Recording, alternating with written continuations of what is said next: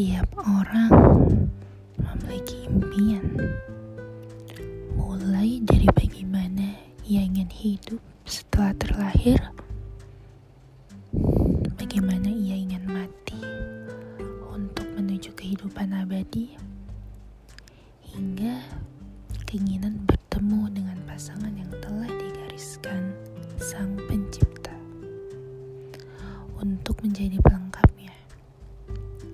Bukankah ketiganya telah menjadi rahasia Allah Azza wa Jal sejak terhembusnya nyawa dalam diri setiap manusia?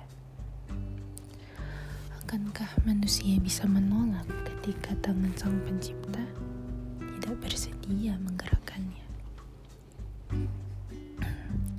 Artinya, keinginan manusia dan bentuk apa pun tidak akan berarti apa pun kecuali Allah sebagai sang pengabul segala doa menghendaki terjadinya segala sesuatu yang diharapkan setiap umatnya.